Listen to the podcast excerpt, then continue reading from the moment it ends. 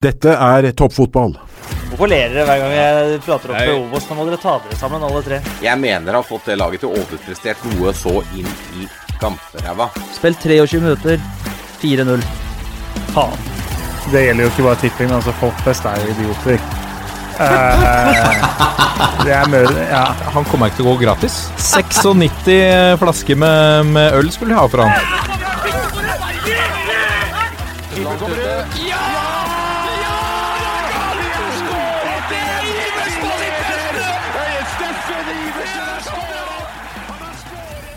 Og der er eh, toppfotball tilbake igjen med den første episoden i det herrens år, herrens og damens år 2021. Eh, vi er eh, dessverre fortsatt midt i dette covid-helvetet, men nå har dette blitt normalen for oss. Og normalen har også blitt å sitte i dette covid-studio, som er på hver vår lille tue rundt omkring på, på Østlandet. Eh, eh, her sitter Martin Roppestad på ei tue i, i Sankthanshaugen, eh, på Sankthanshaugen i Oslo. La oss hoppe videre til, til tua på Dal, Lasse Wangstein. For du er direkte inne, altså, eh, fra mancaven din i, i, i toppetasjen der. Ja, I toppetasjen på garasjen. Du valgte altså å hoppe så langt du kunne fra Oslo, istedenfor å hoppe via de to stedene som er på veien hit. Sånn ish.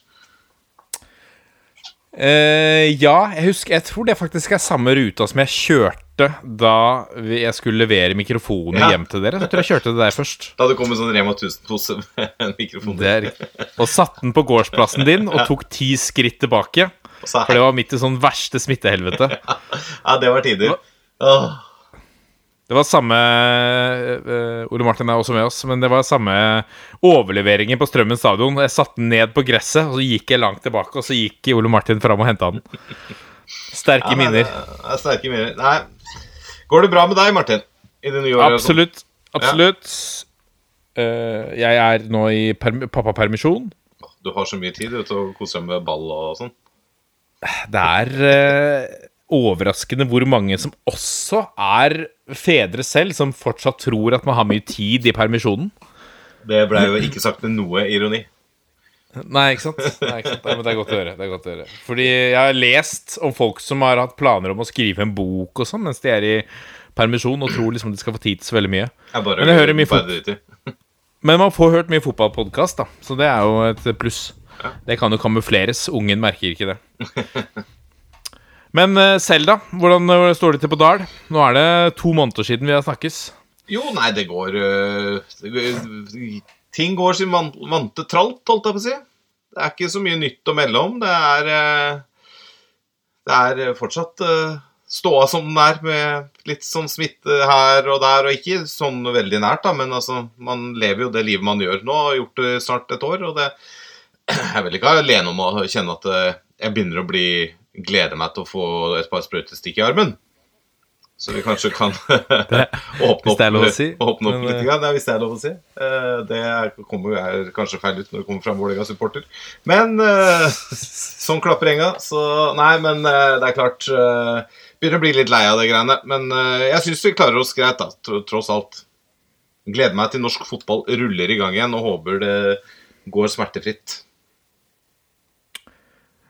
Fortell oss litt om, før vi går videre til eh, Strømmen stadion, uh, uh, som jeg ser nå at vi ikke er inne fra. Vi er inne fra leiligheten til uh, Ole Martin. Men fortell oss litt om, om mancaven din. da Du ønsker jo ikke å kalle det for mancave, men har, du, har du fått gjort noen oppjusteringer der? Er, er ikke det noe man typisk gjør under covid? Ja, den ble jo oppjustert i høst, egentlig. For vi har en sånn liten seksjon over garasjen med sånn lav, lav sånn hems med lavt tak, sånn 1,89 eller hva det er. Eh, hvor det, vi egentlig bare har hatt lagringsplass, masse esker og sånn. Og så tenkte jeg der må du kunne gå an å få satt opp en liten lettvegg og rydde litt, så jeg har et lite hjørne hvor jeg kan sitte og jobbe litt med hjemmekontor eller spille en podkast og se litt fotball og sånne ting. Så mm, da satte vi opp en lettvegg her oppe, da, og så rydda vi litt. Og det var egentlig det som var gjort, da. Og så har vi fått opp en ja, en bord og stol og en liten skjerm og sånn, da. Så, og hengt opp noen gamle signerte fotballdrakter på veggen her. Ja, du har det, ja. For Ja. det mange Jeg syns det var litt sånn stusslig å være mancave. Det var liksom helt blankt på veggene der og Ja, nei, det er, nei, men det ser du Du, du ser taket over meg, da. Det er, det er jo lavt unntak her. Så hedersplassen her borte er en Vålerenga-drakt med nummer 40 og vangstein på ryggen. Så jeg fikk av en veldig fin gjeng da jeg fylte 40 år. Bra gjeng. Ja, og så har jeg en signert norsk landslagsdrakt, en signert Barcelona-drakt og en signert Liverpool-drakt. Så det er jo det er fotballinnslag her. Hvem er det som har signert eh, de respektive draktene? Eh, Den landslagsdrakta, det er- Hvilket Jeg tror Tom Høgli, ser jeg. Mm, ja, det er en stund siden. Det er noen år siden det, det drakta ble signert. Uh, Liverpool er jo da Liverpool spilte i Adidas. Det er også noen år siden. Steven Gerrard er der, blant annet. Og så er det jo et av disse Barcelona-årgangene som var på, var på Ullevål. Det er vel den med Messi, tror jeg. Det var jo Messi var med. Riktig. Så La oss gå videre til, eh, til Strømmen, eh, Strømmen sentrum, det er vel, Ole Martin? Det stemmer. Midt i sentrum. Koker det, koker det i sentrum der nå? Ja, Nå har jo senteret, Strømmen storsenter åpna igjen, da. Og det er jo eh, Hovedinngangen på storsenteret er jo bokstavelig talt 22 meter fra leiligheten min. Så det har vært bra med folk utafor her i kveld.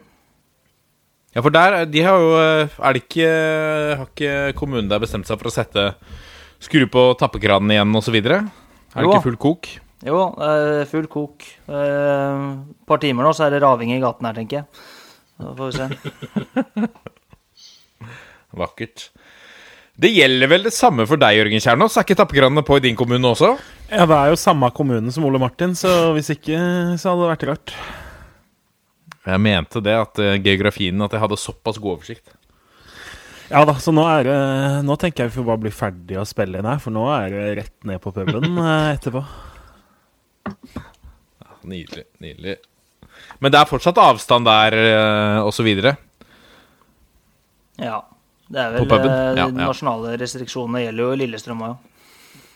Så Ja, må du vel kjøpe er det ikke sant? Du må sitte og trykke i deg en pølse for hver du kjøper, eller et eller annet sånt. Hæ, er det sant? jeg- jeg må innrømme at akkurat reglene for pubene eh, er ikke de reglene jeg har holdt best oversikt over de siste månedene. Det er det ikke. Men det har jo vært noen sånne ting. Du liksom eh, Nå skuffer du målgruppa vår. Vi skal jo på en måte være på mange måter liksom fansens stemme, så vi må jo være litt som, som målgruppa. Vi må elske pub. Vi må elske pølser. Og vi må elske pils. Det er bare én som bor på Sankthanshaugen her, og er liksom Kanskje litt for hipster, faktisk. Men her er det jo stengt, Lasse. Ja, Her er det stengt. Må du reise til Lillestrøm kommune da, for å drikke av. Nei, det er en annen eh, karakter som tar, tar toget til Lillestrøm for å drikke. Det er en annen karakter. Det er ikke der. Nei, men da kan vi jo, eh, kan vi jo rulle i gang, rett og slett. Jeg har eh, lyst til å um, eh, Jeg har lyst til å høre litt, eh, egentlig eh, Få et eh, eh, I og med at vi har et mikrofonstativ her eh, rettet mot direkte mot toppfotballen, hvordan er ståa i strømmen om dagen, eh, Ole Martin? Er dere Føler du at dere har fått covid såpass under huden at det er liksom den nye normalen, så nå har du liksom god kontroll på sesongoppkjøringa? Uh, litt både ja og nei. Altså, du, du blir jo vant til det meste, da. Men eh, det er jo en del ting i hverdagen vår som uh, vi merker er mer komplisert. F.eks. Uh, garderobelogistikk. Nå er jo spillergruppa delt i fire garderober for å ha avstand. Eh, og de får ikke lov til å være sammen innendørs eh, på tvers av garderobene, så det er jo det er litt spesielt. eh, og, da har vi delt jo opp etter bosted. Da. De som bor i Oslo er igjen, de som bor i Lillestrøm kommune er igjen osv. Det er jo det er jo spesielt at du kommer på trening og ser kameraten din går inn i en garderobe, men får ikke lov til å hilse på den, og så går du ut og trener og er, takler hverandre og, og high five på scoring osv., og, så videre, og så er de inne i hver sin garderobe igjen. Så så det er jo en del sånne ting eh, som er, er litt spesielle, men vi kommer oss nå gjennom. Nå tror jeg jo vi, som mange andre klubber på Østlandet her som eh, ikke har innendørshall, har slitt med treningsforhold. Så vi føler jo at det brenner litt under beina på oss nå. Det er seks-sju uker vel til seriestart, så vi, vi trenger litt mildvær nå som er meldt, sånn at vi får begynt å trene skikkelig. Det har vært litt eh, amputert siste ukene, men det, det vet jeg det har vært for andre òg som ikke har eh, innendørshall. Du har jo, jeg vet jo du har god kontakt med de andre, eh, en del av de andre topptrenerne. Hvordan er, eh, hvordan er liksom eh, oppfatningen nå? Tror man at seriestarten går som planlagt? Tror man at den blir utsatt? Hva er liksom hva, hva, hva, Hvordan er stemninga? Uh, vi har veldig god tro på at seriestarten skal gå som avtalt. Det er jo litt fordi at nå ser det ut som at smittetrenden flater litt ut da, og går litt ned, og så flater den ut igjen. Og så kan det selvfølgelig komme en ny bølge, men så er det jo kanskje først og fremst pga. erfaringene man gjorde seg i fjor. Uh, og at man uh, fikk gjennomført den sesongen med veldig lite smitte. Det kan godt hende at det ender opp med at det blir én eller to kamper i Eliteserien Obos-ligaen utsatt i første runde fordi at noen lag får smitte. Men jeg tror seriestarten blir i starten av april hvis ikke det kommer en ny sånn voldsom bølge som gjør at hele landet må stenge ned igjen, sånn som det var i mars-april. Men eh, det Jeg tolker jo regjeringa dit at det ikke skjer igjen. Og så um, og Da tror jeg vi kommer i gang, men så kommer det garantert til å være utsatte kamper og sånn i år òg, fordi at lag får smitte og spillere blir smitta. Men uh, så lenge vi kommer i gang i april, og vi lærte ganske mye i fjor, så tror jeg jo at sesongen vil bli mer normal enn, enn det han var. Og så er jeg dessverre redd for at det kan ta litt tid før det er mye tilskuere igjen på stadionet nå. Eh, jeg tror vel det er største bekymringa til en del av klubbene, inkludert oss på Strømmen, som er kjent for å ha fulle tribuner hver gang. Så er jo inntektstapa ligger jo an til å bli store i år òg. Selvsagt, selvsagt. Nei, det blir jeg hvorfor alle flirer og... når jeg prater om strømmen og fulle tribuner. Jeg sitter og ser dere på video her, smiler i skjegget alle mann. Ja, jeg tenkte på noe annet. Ja, greit. Tenkte, tenkte, på en vits, ikke sant? Ja, ja. Men altså, Strømmen stadion er jo en av de som har vært fullest i 2020-sesongen. For det handler jo om antall seter, tross alt. Det har jo vært mye fullere på Strømmen enn på Lerkendal, eh, f.eks. Ja, godt poeng. Godt poeng. Tenk deg om de da skulle liksom innført en regel om at man kun lov å fylle liksom 10% av setene. eller noe sånt. Det hadde vært hyggelig. Ja, det, så sitter man der. Mm, ja, da hadde vi hatt uh, Hva blir det for noe? Ja, Vi kunne jo hatt 180, så hadde det ikke vært så stor forskjell for oss, faktisk. Nei, nei. I dagens sending eh, skal vi Uh, ha en uh, Altså, vi, vi uh, Det skjer jo mye. Det er Vi har hoppa inn midt i, i silly season, som er jo litt gøy å følge med på. Det har kommet en del spennende overganger. Vi skal se litt på hvem som har slått på stortromma. hvem som har gjort noen veldig spennende signeringer, og hvem som definitivt er nødt til å handle. Kun Eliteserien denne gangen. Vi dette kan bli litt for omfattende hvis vi skal, eh, hvis vi skal ta for oss Obos-ligaen også, så det får vi spare til en egen episode. Eh, vi skal se litt nærmere på noen uh, rykter. For det er jo en del av Silly season er jo ikke bare bekrefta overganger, men det ryktes jo spillere litt hit og dit. I tillegg så har vi fått en, en rekke lytterspørsmål mot slutten, men nå er det ukens tulipan og kaktus. Nå må de faen meg skjerpe seg, så kommer jeg å rive hodet av hver enkelt av dem.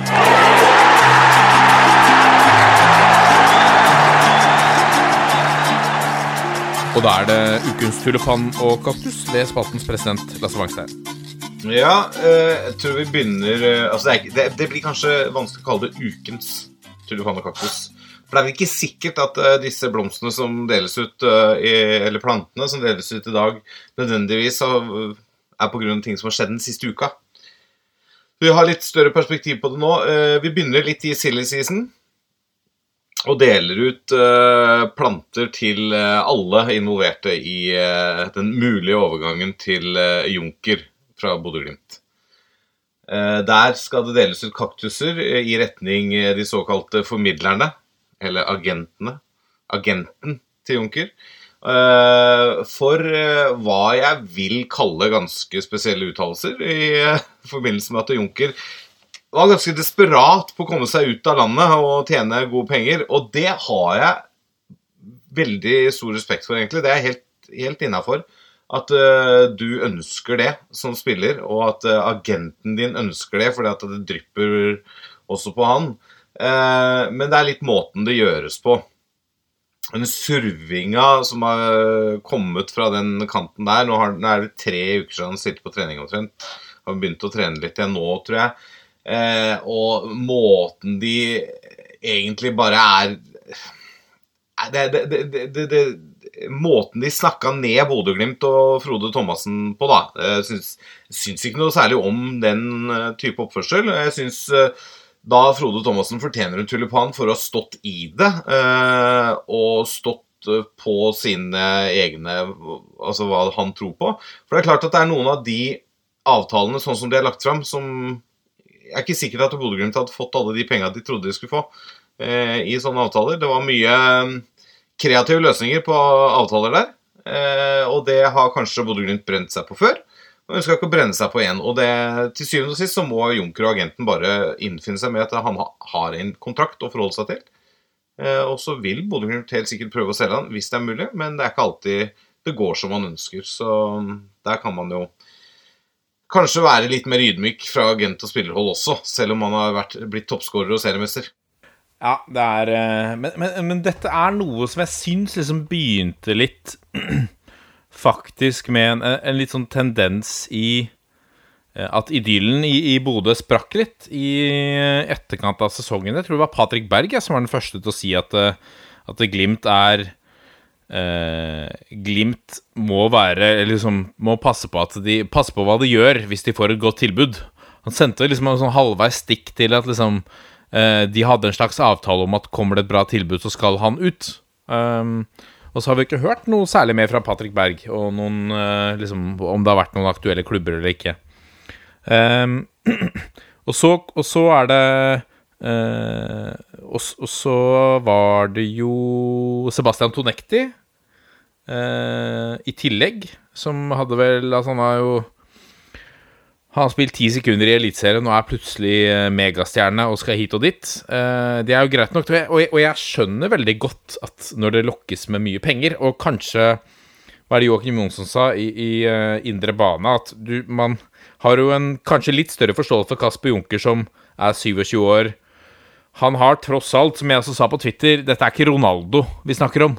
På de siste er det seks sesongene før han kom til Glimt. Han skåra 17 mål. Så, så, det er ikke en liksom Han hadde Det kan godt hende at fjorårssesongen var en one-off, og at dette var hans mulighet til å stikke ut og tjene penger. Det er greit nok, det, altså. Eh, men jeg ville nok, kanskje hadde jeg vært Junker, tatt en alvorsrunde med, med agenten min for liksom Jeg, jeg følte det var, det var uh, Du har på en måte spilt ut alle kortene dine, og så sitter du med ett kort, og det er deg selv som agent. Så blir det liksom litt sånn jeg har nesten ikke sovet hjemme på tre uker. Jeg, sånn, okay. jeg, har ikke sovet, jeg har ikke sett familien min på to uker. Jeg har ikke sovet i samme seng to netter på rad. Jeg kjemper og kjemper og kjemper. Har sovet i snitt fem timer og vært på telefonen i snitt ti timer hver dag den siste uka. Likevel er det så lite respekt for jobb man gjør. Altså sånn Sorry at jeg sier det, altså. Sånn sutring. Han går ut og sutrer til VG over en overgang som gikk i vasken. Uh, jeg ble helt liksom Jeg, jeg, har ikke sett lignende. Er, Nei, jeg tror det er første gang jeg ser noe lignende.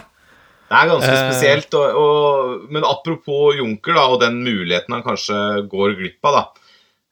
Det er jo en tidligere Bodø-Glimt-spiss også som Han fikk jo muligheten, da, men uh, Christian Fardal Opseth Han har jo ikke akkurat blomstra etter han forlot Bodø, han heller. Han Gjør det bra i Australia. Han har gått videre nå, har han ikke det? India. Han var inne, Jeg har mista litt oversikten der, for han har vært i mye Ja, men uh, i hvert fall sist jeg hørte, så hadde han spilt noe sånn som uh, eh, 15 kamper i India og blitt bytta ut før pause, eller til pause i de første to, og bytta inn til pause i de neste to, og litt sånn, da. Uh, fotballklubben som meldte her. Ikke skåra veldig mye mål, uh, så det er klart Tar, tar sjansen hvis du får den, men det må passe for både klubb og spiller. Og det, det virka, Han var jo så desperat at han var jo villig til å gå nesten hvor som helst, virka det som. Sånn så lenge noen kom med penger på bordet. Det var ikke så nøye hvor det var, det var bare å komme seg ut. Så, men jeg får håpe for Junkers del at han nå bruker dette som motivasjon da, eh, til å vise at dette ikke var et blaff denne sesongen 2020. At han fortsetter bøtte i mål, for gjør det, så vil sannsynligvis sjansen komme igjen. Og Da får han håpe for sin skyld at eh, det kommer en sjanse fra et ligasystem og en klubb som er villig til å betale det i riktige rater for Bodø-Glimt. Men, eh, men, eh, det er jo noen som også sa noe om at eh, en avtale nærmere sommeren er sannsynligvis langt mer lukrativ for Bodø-Glimt, også fordi at det er tryggere penger. Så det kommer fra tryggere ligaer og, og, og, andre klubber enn, enn det var snakk om her. Og så må jeg innrømme, og det er sikkert dumt av meg å si det, men det er en liten del av meg som ønsker at Bodø-Glimt nå rett og slett setter den mannen på benken, lar Erik Botheim spille og så kan han på en måte takke seg selv for en sånn type oppførsel. Og så var det, så var det liksom en lærepenge da, på at uh, du er nødt til å spille på laget her. Hele, altså, hele altså Seriegullet der er jo bygget Altså er jo resultatet av et lagspill, og det man ser nå, er liksom eh, det strake motsetningen. Jeg ble ganske sånn Uh, Jeg ble litt sånn forbanna på Bodø-Glimts vegne. Så selv om jeg ønsker Kasper Junker alt godt, for all del, ass. Men, eh, men når man hører sånn, så er det jo fristende å sparke de på huet og ræva ut. For å være helt ærlig.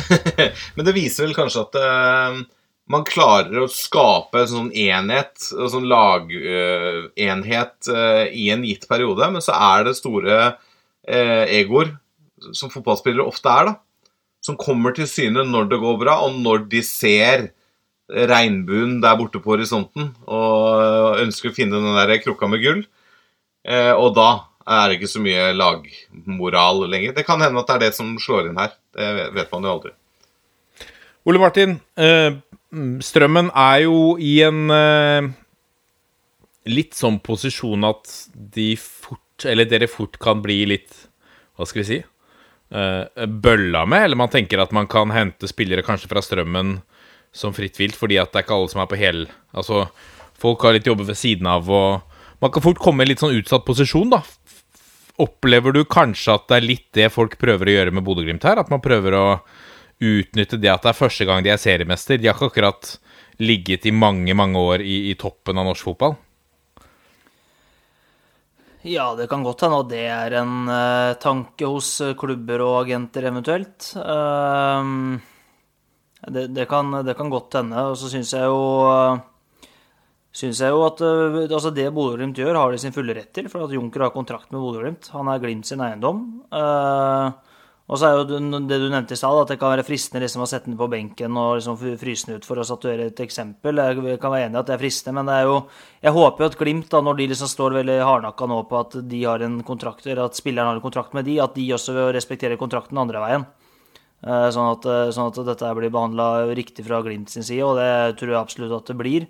Og så syns jeg det er um, Fordelen Glimt har, han, han daglig lederen kjenner ikke jeg, men jeg kjenner jo Bjørkan litt. og og øh, selv om det er første gangen Bjørkan står som sportssjef eh, i en sånn posisjon, med serievinner og du skal ut i Champions League osv., så, videre, så har han henta inn referanser. Han veit hvordan ting funker, han veit hva som er markedspris. Så, så jeg syns det er fint at Glimt ikke lar seg lure. og nå har ikke jeg sett den avtalen det var snakk om her, men det kom ut at det åpenbart var litt rotete, som dere sa. Og da, det er jo risky da, som klubb å gå på den type avtaler. Og det, det kan være veldig fornuftig å vente da. Og så føler jeg at Junker er sånn Jeg skjønner at du vil ut, men slapp av litt. Du skal spille Champions League til sommeren. Du spiller for regjerende mester i Norge. Det, det går bra, dette her. Har du vært borti noen lignende situasjoner som trener, hvor du har agenter eller spillere som prøver å presse seg til en overgang? Ja, mange ganger. Det er jo ikke, er ikke hvordan, hvordan Nei, det, det, altså, hvordan det skjer Det er jo, det er jo øh, veldig ofte i Altså, nå, nå, har jo ikke laga jeg har trent, eh, har jo ikke vunnet Eliteserien, så det er ingen av spillerne som liksom har følt seg veldig sånn, for gode for norsk fotball ennå. Der har jeg ikke vært. Men jeg har jo flere ganger vært i en situasjon hvor spillere føler seg for gode til å sitte på benken. Øh, og sitter med en kontrakt. Og så kan du som trener så kan du stå i en posisjon hvor du gjerne skulle frigitt den spilleren, men hvis du frigir han, så står du eh, uten konkurranse, uten alternativer, f.eks. på en keeperplass eller en stoppeplass. Eh, og det kan du ikke gjøre som trener. Du er avhengig av å ha den spilleren i stallen din, og så, og så må du jo gjøre det du kan for å få han til å jobbe med de tinga som, som, gjør at han ikke spiller. Eh, men da jo, kan det ofte skje da at at agenter, uten å snakke med meg først, eller klubben først, ringer til andre klubber eh, og liksom manipulerer de til å ta kontakt med spilleren direkte. Eh, jeg har sjøl vært offer for det. Fått beskjed om at en spiller var eh, enig med terminering om en kontrakt. Jeg kunne bare ta kontakt med han, så jeg tok kontakt med spilleren og hadde møte med han og agenten og ga kontraktstilbud. Og ble oppringt dagen etterpå av en ganske forbanna sportssjef i en annen toppklubb, for han hadde jo ikke terminert kontrakta si.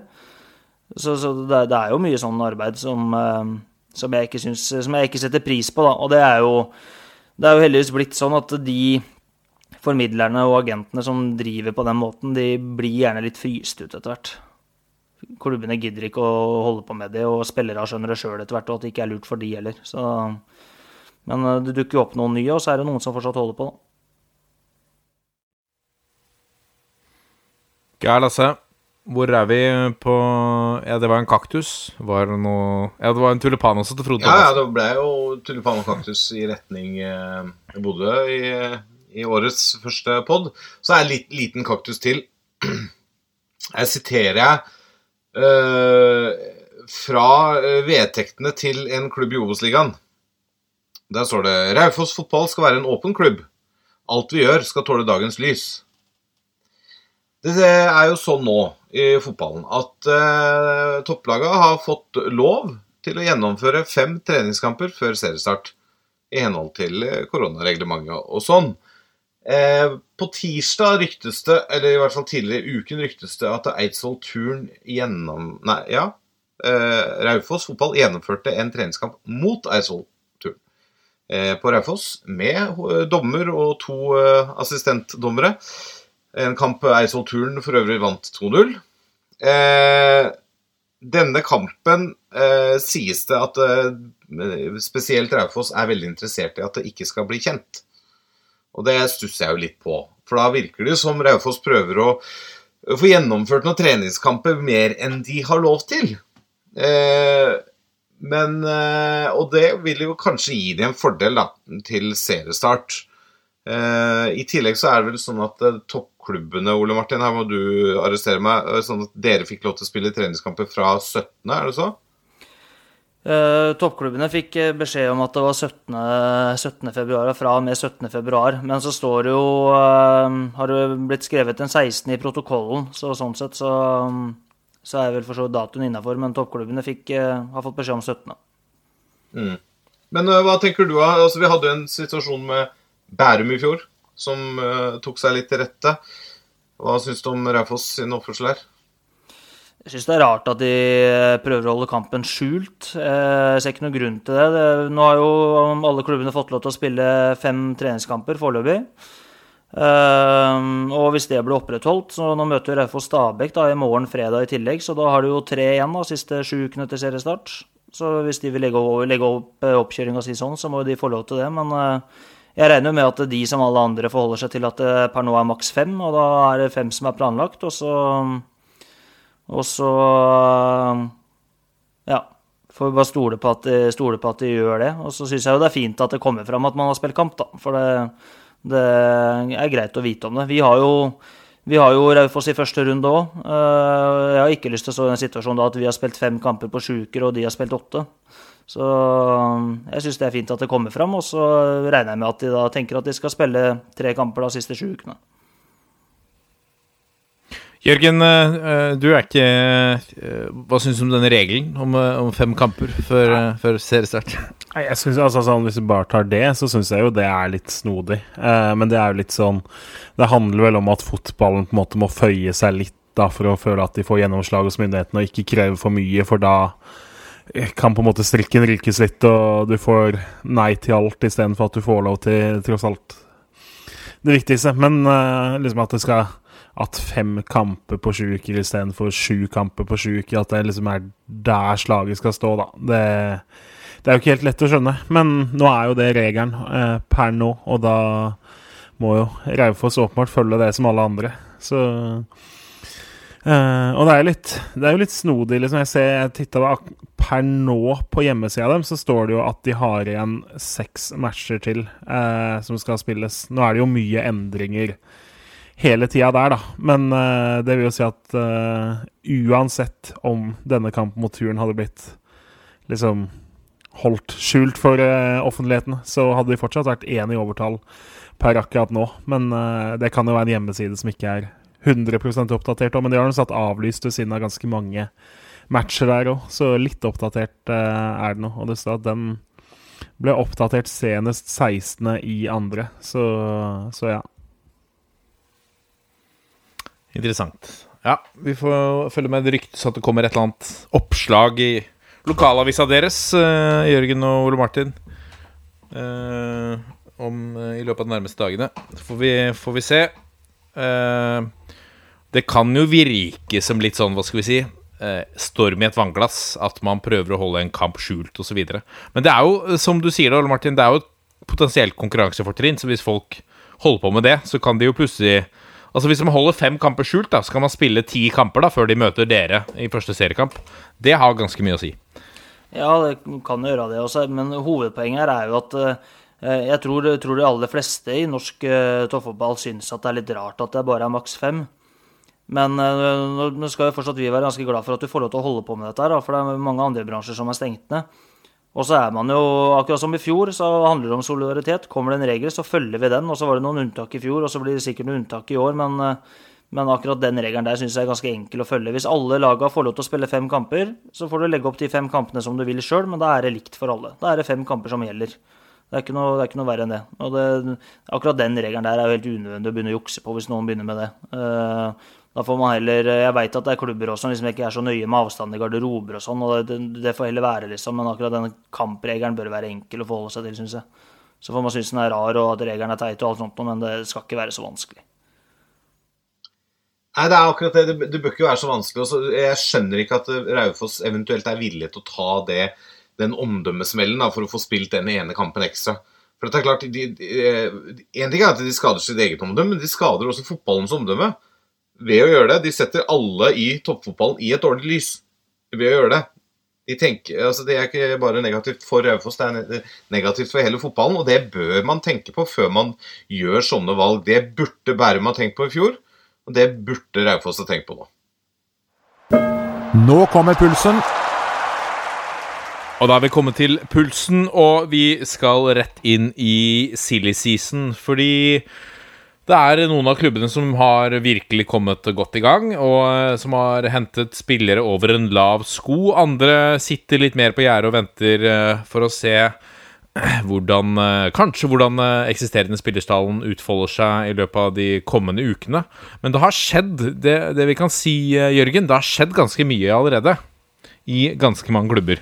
Ja, det har jo skjedd mye, men det er jo også litt sånn Man sitter jo og venter litt på det der at én overgang skal følge den neste, og da skjer det. Og eh, veldig mange har jo sittet litt på gjerdet for å se hva som på en måte er igjen når vinduet stengte i de fleste europeiske ligaene. Men nå er jo det snart tre uker siden òg, så det har skjedd en del. Noen klubber har vært veldig aktive, men så ser man jo Det har jo skjedd litt sånn forflytning at det er jo knapt prøvespillere rundt om, f.eks.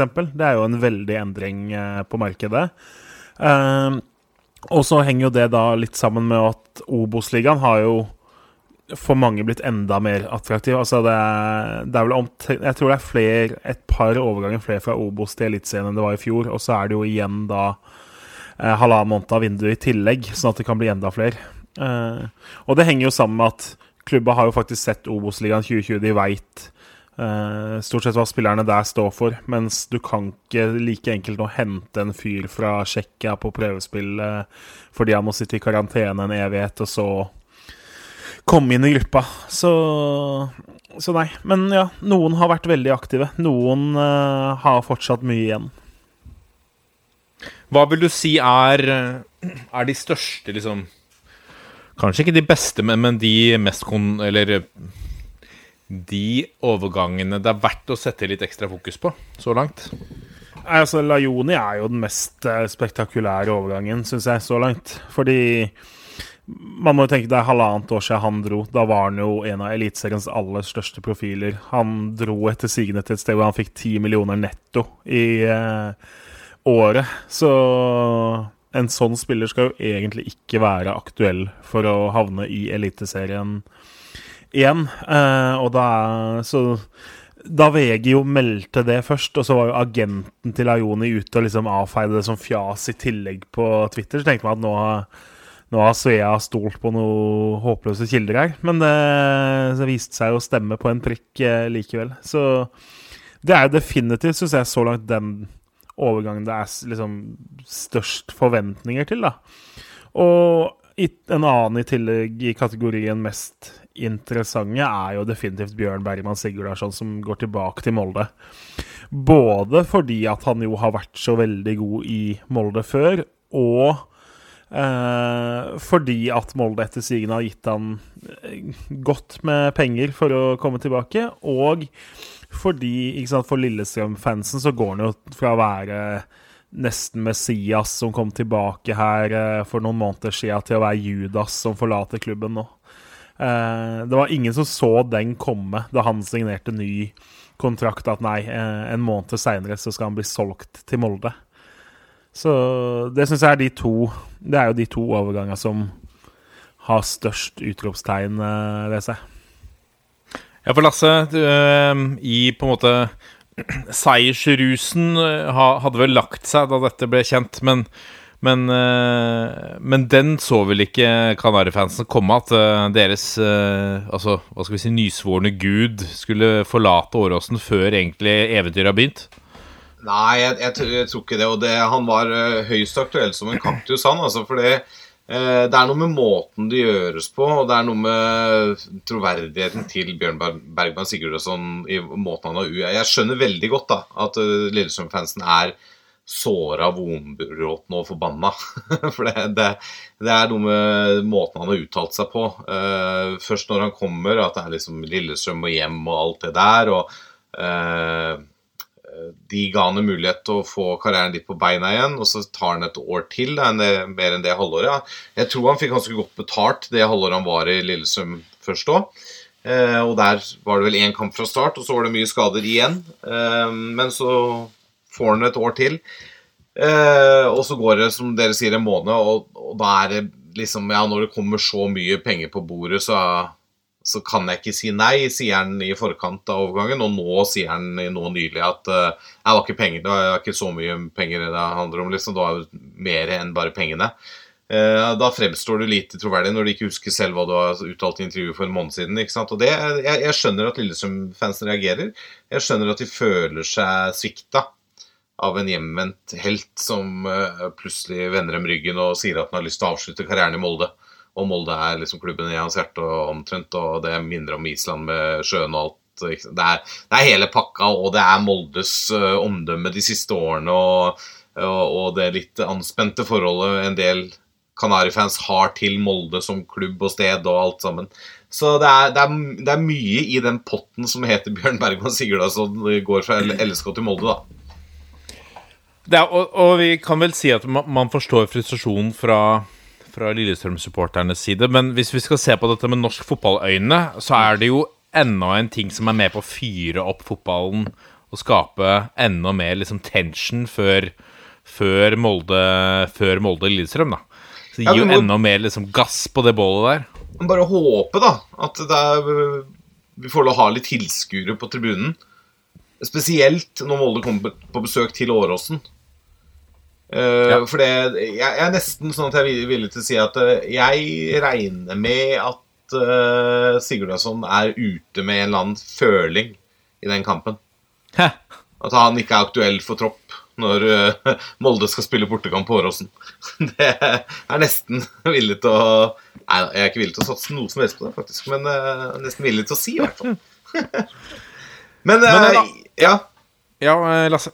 Bare når vi var inne på Lillestrøm, da, så må, må jeg jo eh, eh, bare si at eh, det er jo gøy å se LSK-supporterne tilbake i det gode selskap på alle mulige måter når man ser i sosiale medier. Eh, Det er snakk om gjeng som går fra de høyeste topper til de dypeste daler. Eh, Da Khan Karin ble signert, så var jo Det var en gjeng som var høyt oppe. de kom seg jo fort ned da med Bjørn Bergman, men det, det er jo noen spennende signeringer inn også i Lillestrøm. Altså, de, de ruster, de. Ja, for det, eh, de har jo nå Nå har de henta Gjermund Aasen i tillegg. Og Igo Ogbu, som veldig mange omtaler som eh, svært spennende. Um, så, så det er på en måte ikke helsvart. Og de har jo mistet en spiller som ikke var viktig for de i fjor. Um, de har mistet en spiller som, som kunne bli veldig viktig i Eliteserien. Uh, men, men der, der, det er jo en slags uh, Hva skal vi si? Når man ser på de navnene som har gått ut, med Smarason, Kippe, Melgalvis, Raffen, Amundsen eh, Bergman, Sigurdarsson, Ødemarksbakken Det er jo helt tydelig at det er en slags opprydding på Åråsen. Ja, det er jo det. Um, men altså, mest interessante årgangen er jo han Krajnix, som de låner fra Molde. Det har jo også, apropos Lillestrøm-supporterne, åpna opp en virkelig sånn boks. Og grunnen er jo ikke sant, Mats eh, Hedenstad Christensen er ung. Han er lokal, han er fra Fettsund, hvor jeg sitter nå, en halv mil unna Åråsen. Han er glad i Lillestrøm. Han var veldig god i fjor i uh, Obos-ligaen og tok tak og gjorde en god sesong da. Så når han da på en måte ser ut til å kunne bli skjøvet ned i rekkene av en lånekeeper som de da låner fra Molde, som jo ikke alle supporterne har et hjertelig forhold til. Eh, og Molde har jo stukket av liksom ganske mange Lillestrøm-profiler de siste årene. Så, så, vekker jo den veldig sterke følelser. Og det eh, Som nøytral, da, så er det jo litt ikke deilig, men litt sånn godt å se på en måte at en overgang kan vekke så sterke følelser hos supporterne. Fordi de føler at nå er det en av deres egne, og egentlig to, fordi Emil Ødegaard er jo også tilbake fra lån. Eh, det er egentlig to lokale, unge, gode, veldig spennende keepere, og så plutselig skal de hente en belger fra Molde på lån som kanskje må tilbake til sommeren igjen. Det men ellers så har som du sier, LSK utvilsomt gjort en oppgradering. Altså Ogbu er jo en strålende signering, og man trodde jo egentlig ikke LSK hadde på en måte de penga, men det er vel kanskje litt av Sinjan Pengene sånn, ikke direkte, da, men de solgte jo Sinjan for uh, dobbelt så mye i fjor. Så henter de da en av norsk fotballs mest uh, spennende forsvarsspillere. Men apropos Molde, da, hvis vi holder oss på disse to før vi går videre. Eh, de har også henta en, en, mann eh, i den overgangssaken som også har blitt litt kontroversiell, i David Fofana, som folk snakker om kommer til å ta Eliteserien med storm. Altså Han kommer til å herje. Han er altfor god for dette nivået, snakkes det om. Og da han var på øverste av alle lister til en haug av ligaklubber osv., osv., um, så er det vel det er vanskelig å vite hvor mye sannhet som ligger i det. Og vi har jo ikke sett han Jeg har i hvert fall ikke sett han spille ennå. Eh, men David Fofana, Jørgen, hvor godt eh, kjenner du til han? Du følger jo Elfenbenskystens eh, liga tett. Ja, spesielt med tanke på at han kommer fra en amatørklubb, så det er klart mye, mye amatørball fra Elfenbenskysten her på torsdagskveldene. Nei, jeg kjenner ikke til han i det hele tatt, men det er klart, man hører jo ordene som på en måte følger han, og at det er en spiller som kommer med et veldig godt rykte, da. Eh, og som det har blitt lagt inn gode bud på fra større klubber og større ligaer tidligere. Så er det klart Molde har jo også et godt kontaktnettverk ganske mange steder, så eh, det virker jo uten at man aner noe om spilleren. Eh, ryktet hans gjør at det i hvert fall er en overgang som er veldig interessant. Nå sitter han jo på benken mot Hoffenheim nå, så det kan jo hende vi får sett litt av han før kvelden er omme.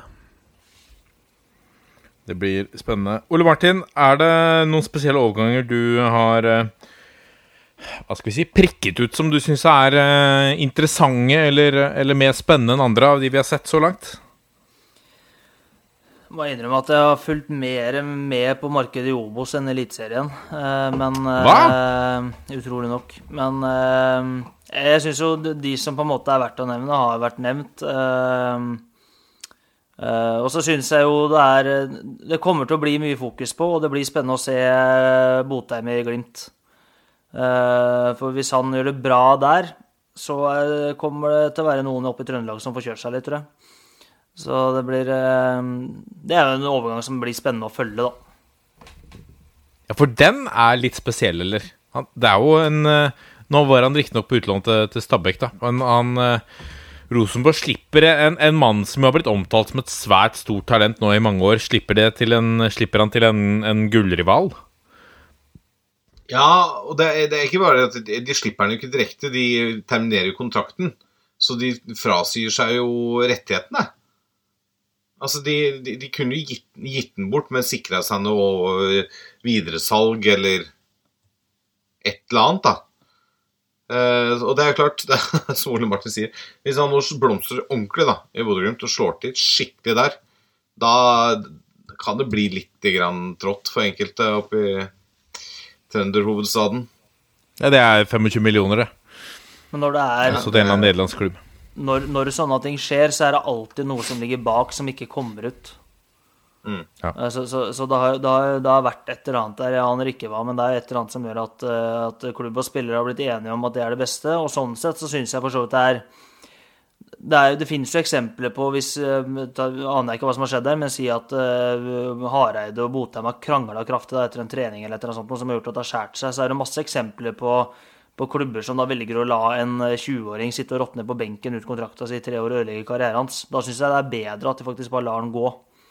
Uh, sånn at i hvert fall han får en, får en fair mulighet til å, til å, prøve noe annet og få en ny start i et annet miljø. men men det har garantert skjedd et eller annet, eller vært noe over tid, eller et eller annet da, som gjør at uh, begge partene kom fram til at det der var det beste. Og da uh, er det jo sikkert det beste for begge parter, men så vil det jo se rart ut da, hvis Botheim nå blir toppskårer i Eliteserien neste år og dunker inn 22 kasser. Det vil se veldig rart ut. Det gir vann på mølla til denne podkasten også, som har vært litt kritisk til Rosenborg de siste åra. Så må det jo nevnes at jeg tror kanskje det var episode to eller tre eller noe av Toppfotball, så hadde vi vel Botheim, Haaland og Strand Larsen som en av en måte, hovedsakene våre. For det, de er jo født i 2000 alle sammen. Eh, da denne podkasten da starta opp eh, for fem års tid siden, så var det ikke nødvendigvis sånn at Haaland og Strand Larsen var regna som noe større talent enn Botheim. Nesten tvert imot. Så eh, Bodø-Glimt får seg jo definitivt eh, en spiller som har et potensial, og som jo er en type. Han er jo en profil. Han er jo et menneske som Hvis det skulle klaffe, så uh, stiller han vel, velvillig opp med overskriftsvennlige sitater, han, altså. Så uh, Men jeg, jeg, tror jo Rosenborg ble tatt litt på senga. Jeg tror jo som Ole Martin sier, noe har sikkert skjedd, men de hadde nok sikkert regna med at Tromsø eller Haugesund eller Stabæk eller et eller annet sånt skulle være neste klubb. Eh, om, om, han liksom skårer ti mål for Haugesund, så er det liksom ikke helt krise at du har sluppet han, da, fordi liksom du har sluppet han til en liten klubb og sånn. Men eh, så han nå gjør det bra i Glimt, så, så tror jeg jo noen i RBK kan tjene på å lekke årsaken, hvis det er noen bakenforliggende årsak, da. Ja, kanskje vi får se det, hvis han, eh, hvis han dunker inn 15 kasser der midtveis. Jeg syns jo, når vi først er inne på spisser, da, kanskje ikke unge talenter, men uh, late bloomers, så må vi jo nevne eh, returen til Henrik Udal til Vålerenga. Uh, han som i høsten 2018 ble kåret til årets stang i denne podkasten. Ja, Vi har sett Fordi... altså, vi spådde han, og vi spådde Haaland. Vi spådde Strand Larsen. Det er bare å høre da her.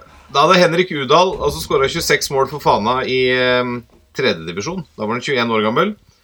Da hadde han jo vært i Vålerenga-systemet som eh, juniorspiller.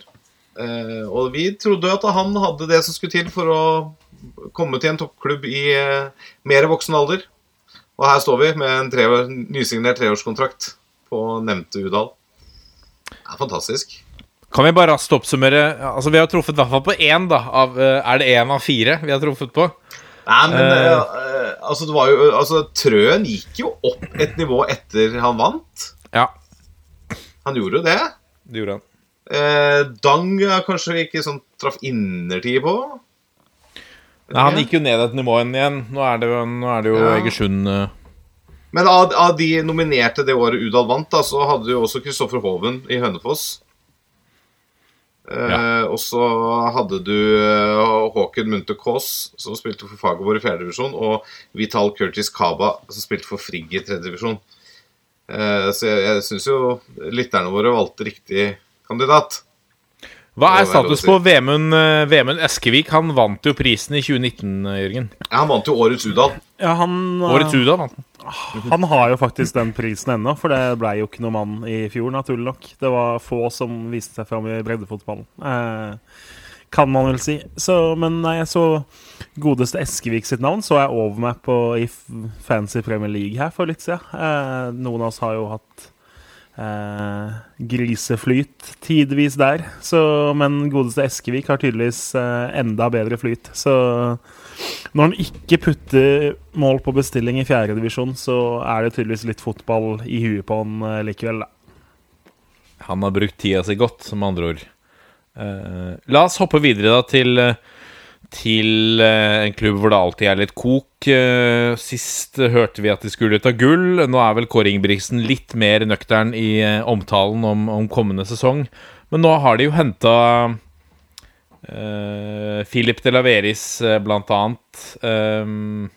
Det er men, men der også har det sett, må vi kunne si. Det, er, det skjer litt opprydding der. Ut portene har Fredrik Haugen, Jilly Rolandsson, Ali Amada um, Tayo Teniste, for å nevne liksom, kanskje de mest dominante. Sande Svendsen.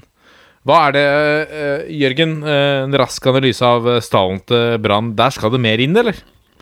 Da, eh, hvis det ikke kommer mer inn, så rykker Brann ned. Så det får vi håpe for Brann sin eh, del, at eh, det skal mer inn der, ja.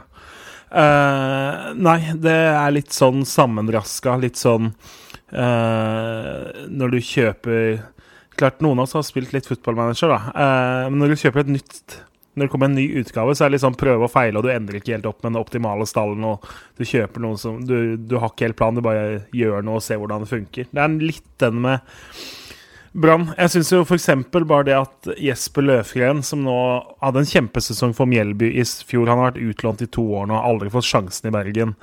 Eh, ble egentlig avskilta av eh, sportslig ledelsen eh, i Brann i januar, og de skulle selge han tilbake til Sverige. Og så kom, ble ikke det noe av det salget. Så nå er jo han tilbake i Bergen, og da må man liksom drive med litt sånn derre brannslukning og hevde at man hadde troa på han likevel.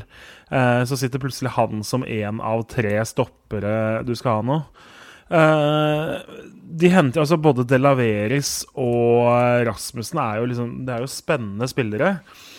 Men eh, Komson er jo på en måte ikke erstatta. Eh, ser ut som Kåre Ingebrigtsen har lyst til å spille 4-3-3, selv om Robert Taylor var fantastisk i den hengende spissrollen i fjor. Kristoffer Barmen snakker man om at man skal omskolere til midtstopper. Eh, hadde jo også en helt naken sesong i fjor. Bamba snakkes det om at har kommet, liksom, han har mista litt gløden. Altså, har, kommet, har, ikke kommet i toppform tilbake fra ferie. da. Bak han så har du Aune Heggebø, som for så vidt gjorde det helt OK i fjor i Obos. Men eh, også har du Uh, I tillegg Erlend Hustad, som jo også er en spiller som ikke er, er noe ferdig eliteseriespiss nå. Uh, jeg, når man ser på den strallen til Brann altså det er, det er noe OK navn, noe, men uh, det funka ikke i fjor, og det de har gjort i vinter, klarer ikke helt å overbevise meg ennå. Så hvis jeg hadde vært Brann-fan, så hadde jeg håpa OK, en ordentlig keeper inn. Du har Oppdal og Holmen Johansen, som jo eh, denne podden jo har snakka mye om tidligere. Men det er klart, eh, det er jo ingen av de som løfter Brann veldig langt oppover på tabellen, selv om Oppdal har gjort sine saker anstendig de siste to åra. Eh, et forsvar som for så vidt eh, kanskje er det minst kritiske. Eneste ulempen er at du har Grøgaard, du har Ruben Kristiansen på venstrebekk som de vil bli kvitt, men som har for høy lønn. Og så har du unge David Wolff eh, i tillegg. Så liksom Kanskje Grøgaard må opp på midten, da. men igjen, du sitter med en Kristiansen som du egentlig vil få unna. De prøver å få Ordagic til, til Sandefjord, f.eks. Uh, så nei, den brannstallen ser veldig lite gunstig ut akkurat nå. Jeg mener altså, De burde hatt keeper. De burde hatt noe annen dekning på stoppeplass. Uh, de må ha en forsvarssjef. De må erstatte Komson på en eller annen måte. Og så, hvis Bamba Bamba blir man liksom ikke helt klok på der. Uh, ideelt sett så skulle man jo solgt han og fått inn et godt førstevalg, men det høres utopisk ut. Så Altså For meg så ser Brann ut som et lag som er langt, langt nærmere noe nedrykkskamp enn å snakke om liksom noen topplasser, i hvert fall. Det skulle jeg tippa tabellen Hvis overgangsvinduet var stengt og serien starta i morgen, så tror jeg det endte opp med å dytte Brann på en 13.-14.-plass, nesten.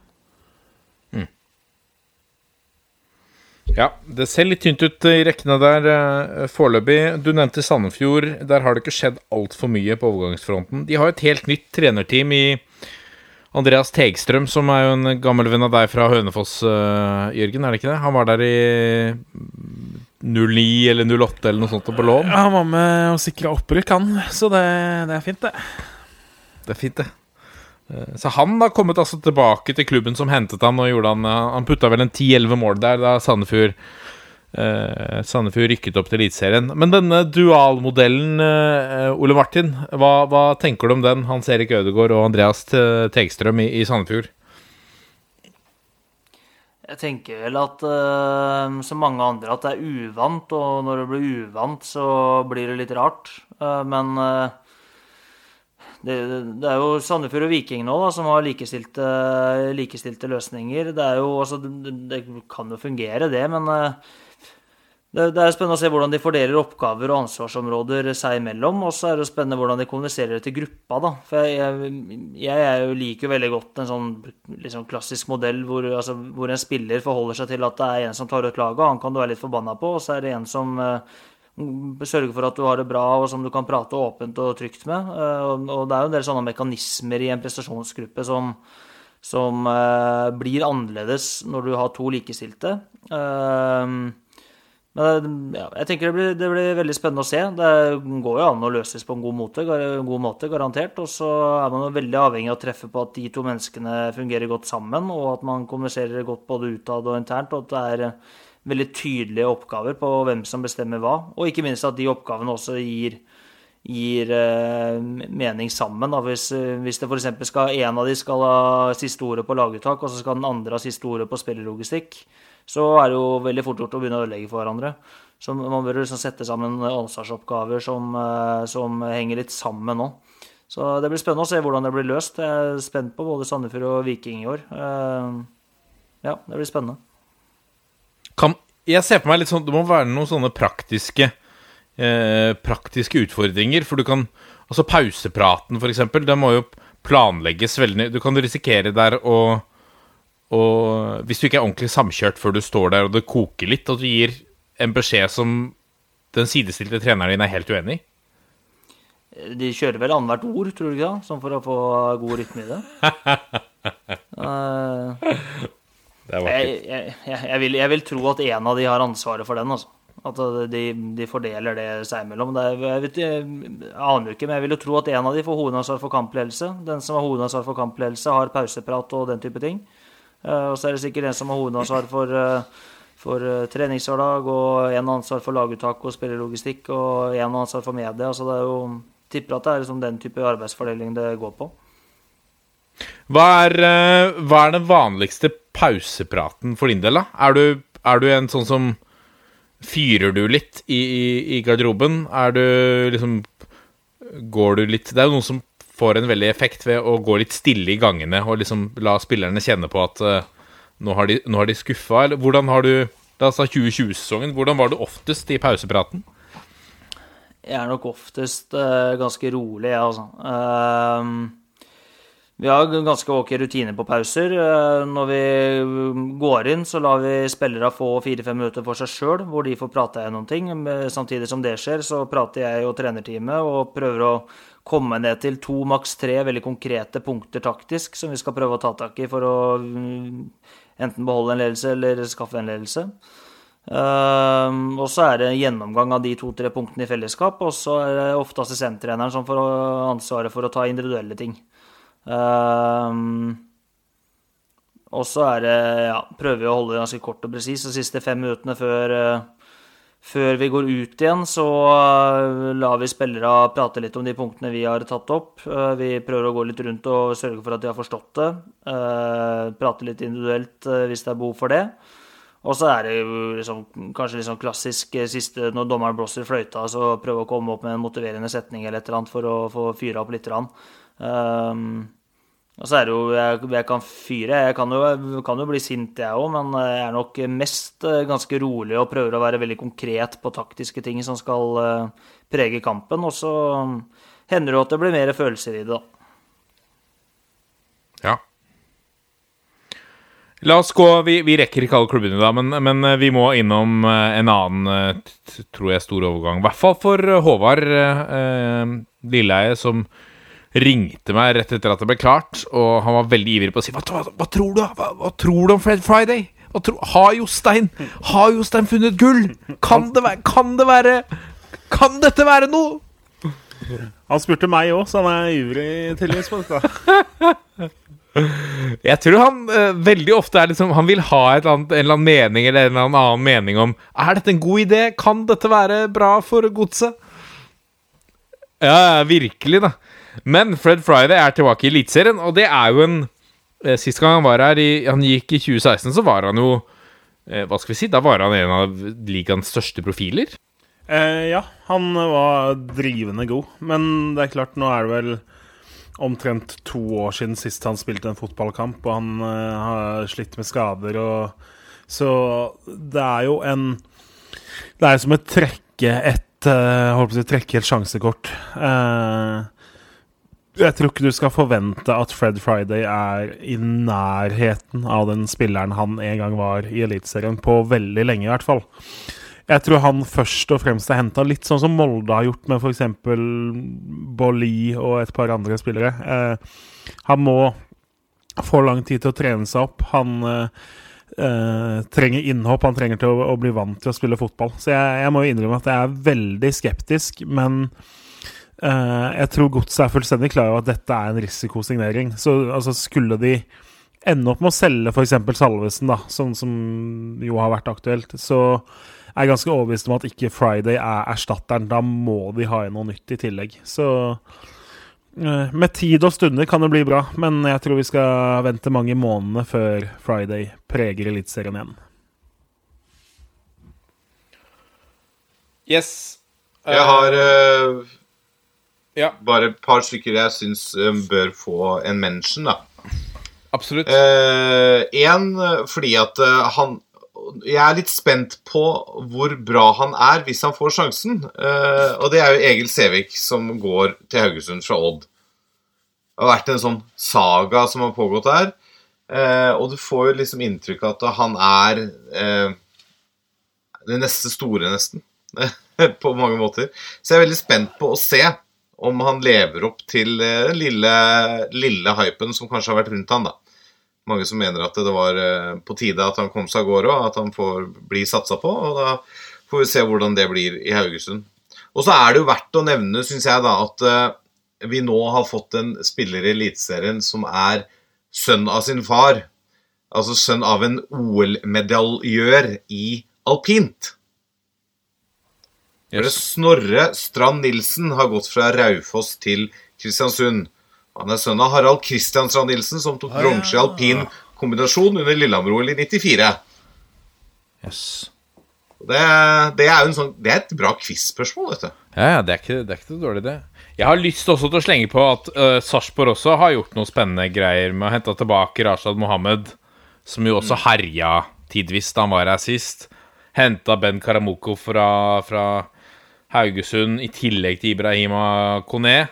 Uh, og hva var det ellers jeg så? Stabæk også er veldig interessant. Nå får vi tilbake Herman Gelmyden, som gikk til PSV. Som etter hva jeg har skjønt, har kommet tilbake til Stabæk på permanent basis. Så da får man jo se han Se hvor Altså, han er vel uh, uh, kanskje tiltenkt av en av stoppeplassene. Um, Eh, og også vi får se Markus Solbakken, hvordan han tar dette nivået. Det er jo en spiller vi har sett og hørt mye om i de siste sesongene. Uh, Ole Martin, hvordan var Markus Solbakken da dere, da dere møtte HamKam? Det husker du vel?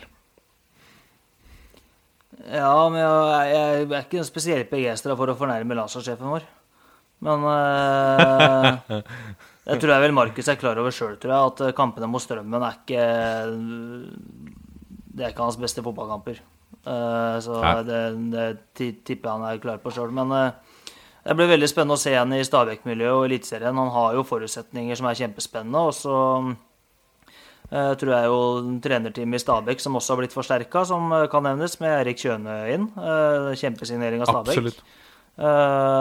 så tror jeg det trenerteamet der greier å trykke på noen knapper som gjør at han tar det ekstra steget. For jeg tror ikke han var god nok for eliteseriespill i desember, men jeg har tro på at han blir det ganske fort i løpet av våren. Ja. Og det er jo Det kunne vi nevnt som en egen sak, selvfølgelig, men Eirik Kjøne, som jo er i denne hva skal vi si, den gullrekka som vi alltid nevner her når det er en ledig trenerjobb, det er uh, Ole Martin, og det er Jørgen Isnes, og så er det uh, og så er det Eirik Kjøne, blant andre. Eh, nå går han til en assistenttrenerjobb. Det var litt overraskende, Jørgen? Ja, den kom jo litt ut av intet. Og så kom den jo så seint. Um, kom jo nå for et par uker siden. Så klart Grorud står jo nå halvannen måned før seriestart uten å ha hovedtrener. Det er jo ikke helt gunstig for dem. Men jeg så jo Kjøne i en av disse siste sakene når det lages sånn på unge trenere, da, at han sa vel at han var irritert på Ole Martin. Fordi Ole Martin er liksom alltid vært et år og to yngre, liksom, både opp i divisjon og opp i førstedivisjon og litt sånn. Så jeg tipper jo dette er Kjønes eh, trekk for å slå Ole Martin om å være den yngste eliteserietreneren han evner. Så kan hende kan hende han kommer til å motarbeide Jønsson heftig på bakrommet der for å ha litt sånn Game of Thrones-muligheter til å ta over. Nei det, er, kan, det, var en spøk, men, men, det må jo sies at når han går dit, da, uten å vite hva som har skjedd, så Jeg vil jo tro at man har tenkt tanken i Stabæk om at kanskje ikke Jønsson kommer til å være for alltid, og at Kjøne nå på en måte er litt assistent i en sesong eller to, og så er tiltenkt, i hvert fall sånne ting er nå, å rykke opp, da. Ja, det lukter jo litt av det. Uh, Ole Martin, du, uh, du kjenner Eirik godt. Hva, uh, hva, hva, tenkte du om, om, den overgangen? Var du overrasket? Ja, jeg så den ikke komme, nei. men jeg, jeg, skjønner Eirik godt. Jobber i et veldig godt miljø, jobber på det høyeste nivået. Masse ting som trigger ved en, sånn, eh, ved en sånn type jobb. Og så kan jeg ikke skjønne noe annet enn at det ligger en, en avtale der om at han tar over om to år når kontrakten til Jønsson går ut. Jeg veit ingenting om det, men alt annet ville vært rart. Og det, det vil jeg tro at Stabæk tenker, og at neste hovedtrener til Stabæk er, er Erik Kjøne. og det det fortjener han. Han har gjort en kjempejobb med Grorud, og han passer profilen til Stabæk godt, med unge gutter og, og en, en, attraktiv og utviklende spillestil. Så den kom overraskende på, først og fremst fordi at den kom seint, ja, som Jørgen sier. Uh, men jeg hadde jo gleda meg til å fighte med Eirik i året og i Obos, men jeg syns det virker som et godt karrierevalg for hans del, og så virker det som en veldig god og langsiktig signering av Stabæk, syns jeg. Så det er mye som gir mening der. Dette er toppfotball. Og da er vi kommet til uh, lyttespørsmål, og vi begynner uh, med mannen som vi fortsatt alltid vil kalle som for Benjamin Sears, men som heter Benjamin Sars, har vi skjønt. Uh, Benjamin Sears spør hvor mange kamper med favorittlaget deres tror dere at dere får sett på stadion denne sesongen? Ole Martin, vi vet jo at du får sett alle kampene med ditt favorittlag. Hvis jeg greier å oppføre meg skikkelig underveis i kampene, så får jeg det. Det er sant. Får se åssen nivået på disse her i sort er i neste år. da, og Nære på et par ganger i fjor her. Så mange kamper her i Obos? Det er 30 der òg, ikke det? Jo. Så vi sier et sted mellom 6 og 28, da. Ja, så ille kan det ikke være. Nei, mellom 28 og 30, da.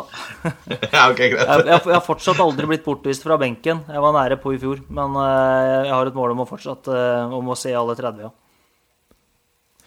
Jørgen og Lasse? Nei det er, det er klart, nå spiller vi inn torsdag kveld. Det er jo rykta at det skal komme noen nyheter om breddefotballen, som jo Hønefoss per definisjon tilhører nå, eh, at det skal komme fredag. Det var jo litt dårlig nytt. Eh, nå veit vel folk dette når de hører på, men eh, godeste Abid skal jo ikke være på den pressekonferansen som er fredag. Jeg vil jo tro han skulle solt seg litt i glansen hvis bredden endelig skulle åpna igjen. Så jeg er forsiktig optimist. Men altså, sånn som det går med vaksinering og sånne ting, så blir jeg jo jeg kan, Det må jo bli i hvert fall halv sesong i tredje divisjon, uansett. Altså, det må jo bli høstsesong, må det ikke det? Det, det må vi ha troa på. Og da Men det er klart, altså, lørdag formiddag å dra til sånne steder som Horten og sånn for å se Hønefoss spille, det er jo litt skummelt. Så det er mye vanskelige folk å hanskes med. Men blir det hel eller halv sesong for Hønefoss, så må man få sett en del av matcha. Men jeg sa jo før sending her at jeg har jo faktisk genuint nå vurdert å kjøpe meg sesongkort på Strømmen stadion bare for å få sett litt live fotball nå, for nå er, nå er eh, behovet stort. Hva syns du om uh, en sånn beskrivelse, Ole Martin? At, uh, at det er ut av desperasjon at Jørgen vurderer et sesongkort på Strømmestadion. Jeg skulle til å si han må forte seg da før det blir utsolgt. Det er jo, er jo viktig. Så um, er jo selvfølgelig Jørgen alltid velkommen på Strømmen stadion. Der får du levert uh, den beste fotballen.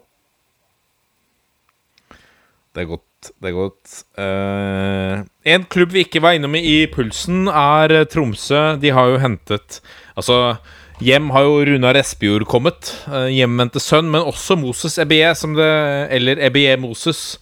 Der strides de lærde. Eh, hva tenker vi om eh, den eh, overgangen? Er det Adidas-mannen som spør? Nei, Først og fremst var det jo mye fram og tilbake. Han var jo ganske god for HamKam i flyt. Eh, har jo aldri slått til i Lillestrøm, så litt overraskende overgang er det. det. For meg så er det litt Det beskriver veldig godt det vi sa, at det fokuseres veldig mot Obos-ligaen og overgangen mellom eliteserieklubbene. Eh, hadde verden vært normal, så tipper jeg Tromsø hadde søkt litt bredere enn det. Men eh, han har jo noe ved seg som gjør at man på Åråsen lenge hadde troa på ham. Og så skal vel Tromsø nå legge om formasjon fra denne 3-5-1-1 eller 3-5-2 til trolig å spille 4-2-3-1 eller noe sånt. Og da kan Moses spille flere plasser. Tromsø er tynne offensivt. Så jeg tror han er litt sånn potet, litt innbytter, kanskje kan ta den venstrekantrollen. Eh, så eh, Ikke noe som liksom får opp eh, pulsen hos meg, men eh, man kan for så vidt skjønne det òg. Og det ligger jo noe, noe i bunnen hos han som gjør at det kan bli bra hvis det funker. Adrian Lindstad sier at eh, Stian Dahl og Telemarksavisa melder om Vålerenga-interesse for Vebjørn Hoff. Har du tanker om en sånn overgang, eh, Lasse? Ja, det har jeg. Eh, Sånn umiddelbart så tenkte jeg jøss, det er litt rart. Fordi jeg syns Vålerenga har bra med dekning på midtbanen, pluss noen spennende unggutter på vei opp. Men samtidig, desto mer jeg begynte å tenke over det, så tenkte jeg det er egentlig ganske fornuftig overgang, fordi Vebjørn Hoff kan spille i flere posisjoner. Eh, og det, det har uh, Fagermo sagt at eh, de trenger i Vålerenga. Noen spillere som kan brukes på forskjellige steder. eh, og være litt potet eh, for å dekke opp eh, huller i bredden, da. Og Vebjørn Hoff har jo klart seg godt, han, både på midtbanen og i Forsvaret, eh, for, eh, for ballklubben i eh, Skien. Eh, Så eh, det- jeg syns jo det høres ut som en ganske spennende overgang, hvis den blir noe av. Følge opp med spørsmål fra Bjørn Rudsagen, da, som følges opp med, med Rune, nei, Ruben Wold.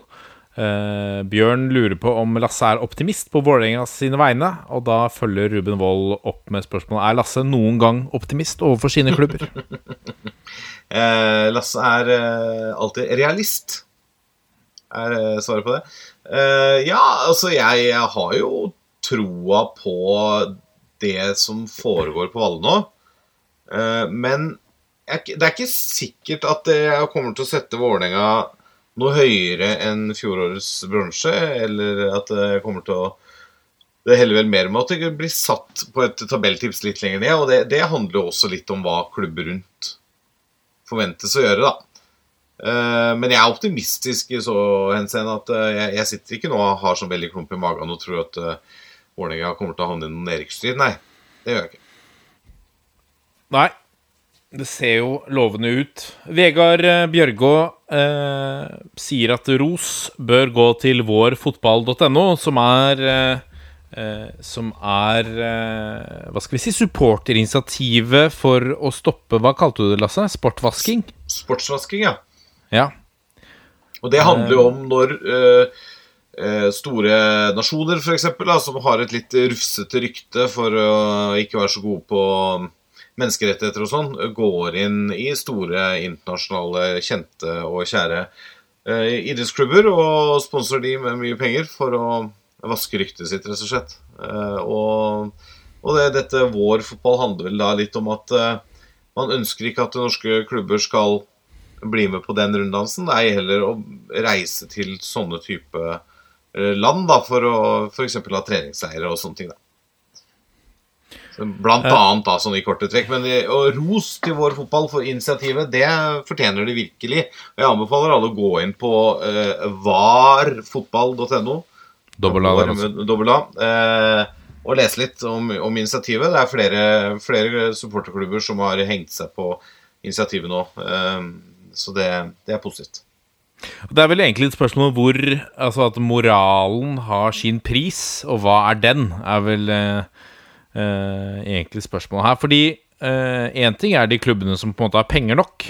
Men eh, Ole Martin, hvis dere plutselig hadde fått en eh, Hva skal vi si En, eh, en, eh, en tvilsom sjeik fra Saudi-Arabia som eh, var villig til å hente det ned på treningsleir, eller eh, ville at eh, La oss en et annet selskap som ønsket å ha logoen sin på drakta deres. Eh, hvilke diskusjoner Altså um, Det kan jo være snakk om ganske mye penger. Uh, sånn er det ofte. Og det er litt sånn uten sammenligning for øvrig, da. Virkelig ikke for øvrig. Så, så er det jo noe av de samme argumentene som vi hører om når det er snakk om spillselskapene. Hvor går grensen for moral? Hvor går grensen for liksom penger, og hva uh, Hva det er verdt for de ulike klubbene. Eh, hvilke vurderinger tar man en klubb, eh, for en klubb som, som Strømmen, f.eks.? Altså, jeg, greier ikke å gi noe sånn helt konkret svar på det, for vi har ikke vært i den situasjonen. Men jeg vil jo tro at uh, det, er, det er forskjellige scenarioer. Hvis en, en uh, litt tvilsom sjeik hadde tilbudt oss to uker i Dubai, og det er det, så hadde det vært veldig enkelt å takke nei til. Uh, for det, to uker i Dubai, det, for meg så er ikke det verdt det, for at det sender noen signaler. Men hvis den samme sjeiken tilbyr seg å kjøpe draktlogo for 50 millioner i året, så, så er liksom vurderinga da blir jo OK, hva Ok, signalet er tvilsomt, men med 50 millioner, hva kan vi som klubb gjøre for eh, lokalmiljøet her? Da? Altså, hva, hva vil det bety for barn og unge på, på Strømmen de neste 10-15 åra? Eh, oppvekstvilkår og for, På Strømmen så vi, vi sliter jo med å få barn og unge i aktivitet der. Eh, ofte pga. økonomi, selv om vi er billigst i området på treningsavgift. Så, så altså det å f.eks. ha tilbudt gratis eh, idrett til barn og unge de neste ti åra, så er spørsmålet er det verdt det, på en måte. Og det er jo et, en legitim diskusjon, tenker jeg. Men øh, det jeg er veldig for, er jo, liksom, altså, som jeg var inne på, da, alle disse treningsleira og de klubbene som har økonomisk mulighet til å ha et valg. At hvis du kan velge bort å støtte den type nasjoner og organisasjoner og personer, så, så bør det være ganske greit å, å gjøre av det.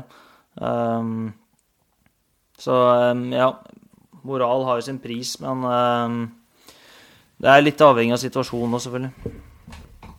Moralen har sin pris, og den er 50 millioner i året. Sånn cirka. Ish. Nå er, nå er jo ikke dette en direktepodkast, men jeg må bare nevne Brann har lagt ut en tweet for tre minutter siden Ja. med sånn signeringshånd, og så en løve-emoji. Og så en gif fra 'Løvenes konge' hvor Simba blir løfta opp som den nye kongen. Jøss. Er det noen som vet hvilken spiller Brann har signert nå, eller? Munga Simba. Er det det? Ja, hvem ellers enn Munga Simba skal det være? Nei, nei jeg vet ikke. Jeg, jeg kjenner Nei, det, har det, er, det er BT som har lagt ut det, altså. Jeg tok ikke den Tok ikke referansen.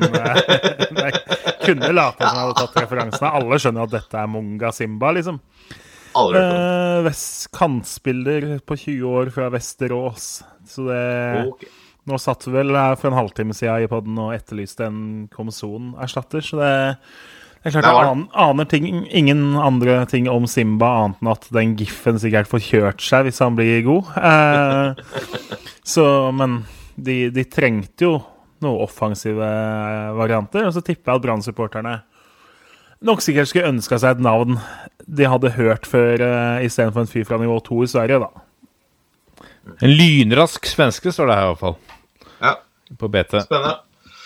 Interessant, interessant. Eh, Toppfotball øh, sist med det første, eller noe sånt. Først ja, med vi siste, har vært veldig tidlig ute med Vi spådde Holland. Eh, Det, det var oss. Ja, det er sant. Det er sant. Det var Det var så synd det ikke går live, det. vet du. Eh, eh, Normann Olsen, programleder i den eminente podkasten Våre beste menn, eh, sier hva tenker herrene i studio om at VAR virker å være på vei til norsk fotball? Er dere for eller mot VAR? Er det plass til eh, tre dommere ekstra på Strømmen stadion, Ole Martin? Det hadde kosta oss mye. men Ja. det veit man jo at VAR koster mye. Uh, plass skulle, Er det dere som tar regninga? Det veit jeg. Jeg tror det er en deling på det. Uh, Norsk Toppfotball og NFF og, og klubbene. Men uh, jeg kan svare på spørsmålet. For min del så er jeg imot VAR. Eh, jeg, I hvert fall når det fungerer så dårlig som det gjør. Eh, jeg får eh, mållinjeteknologi. Er ballen inne, så er ballen inne. Og jeg kunne godt vært med på at det å ha hatt noe hjelp på offside-avgjørelser er ok, men da syns jeg offside-regelen skal endres til at det er føttene det handler om, ikke armhuler og nesetipp og diverse, men at det er føttene. Og så veit jeg ikke om VAR er noe vits på hens, for hens-regelen skjønner jeg ikke allikevel. Uh, så, men hvis du, tar offside, hvis du tar offside og mållinjeteknologi, så er jeg happy. er forferdelig godt oppsummert av Ole Martin. Eh, altså jeg, jeg merker sjøl at jeg mister litt av gleden ved internasjonal fotball pga. VAR. For det, du, du, du mister den den, spontane gleden ved skåringen, for du sitter alltid og venter på hva er, hva er det vi ser på nå. Hva, hva har gått gærent her? Var den ballen borti eh, lillefingers eh, negl, eh, sånn at den skal annulleres for hens? som man ikke har dratt noen fordel av, eller hvordan er dette? Og, I hvert fall sånn som VAR fungerer, spesielt i England akkurat nå, så vil jeg ikke ha VAR til Norge i det hele tatt, men jeg vil ha mållinjeteknologi, absolutt, og kan godt ha en sånn eh, middels VAR på litt sånn offside og sånne ting. Det er jeg helt enig i. Men eh, det funker ikke optimalt, og da vil jeg ikke at vi skal bruke masse ressurser på det i norsk fotball ennå.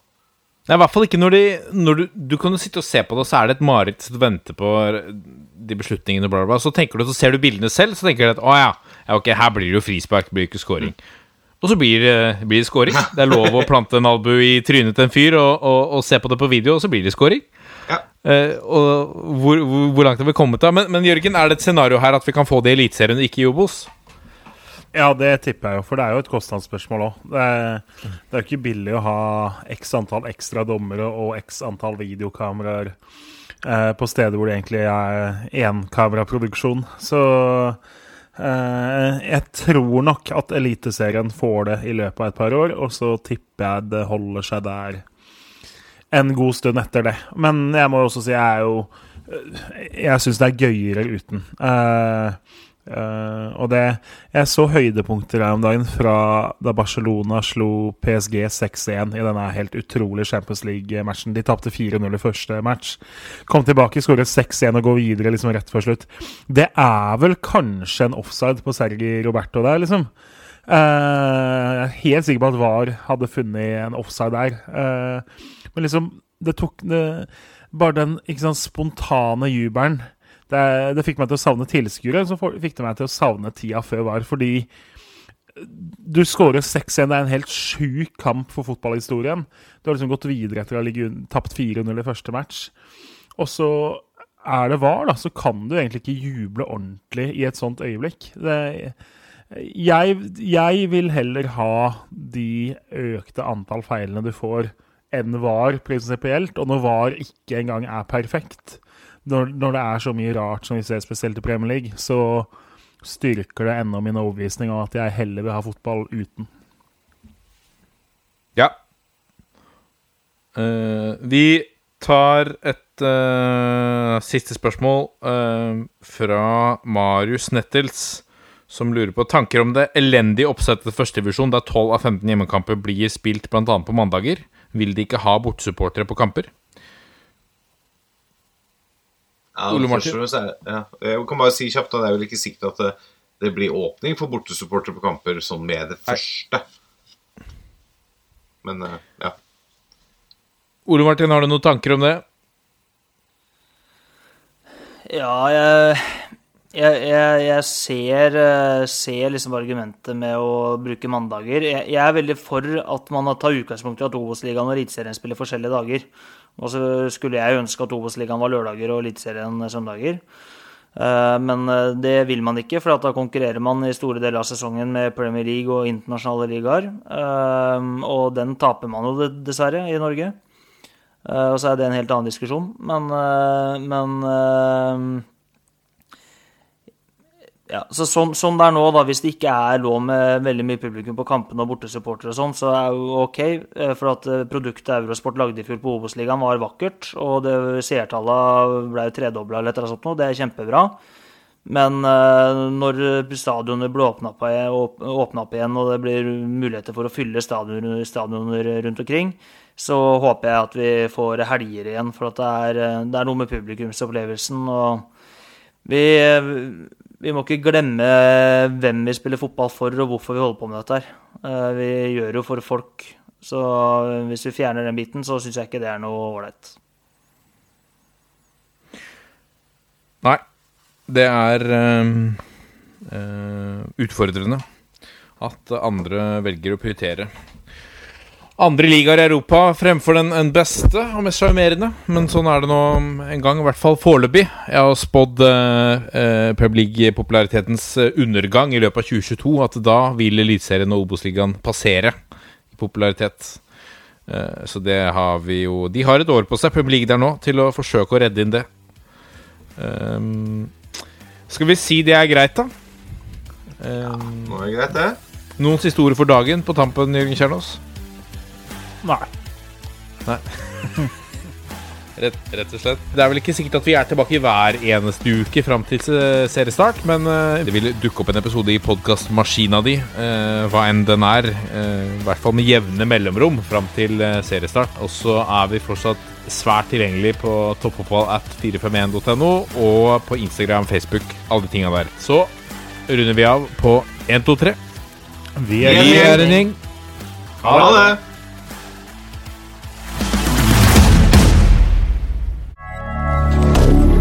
Moderne media.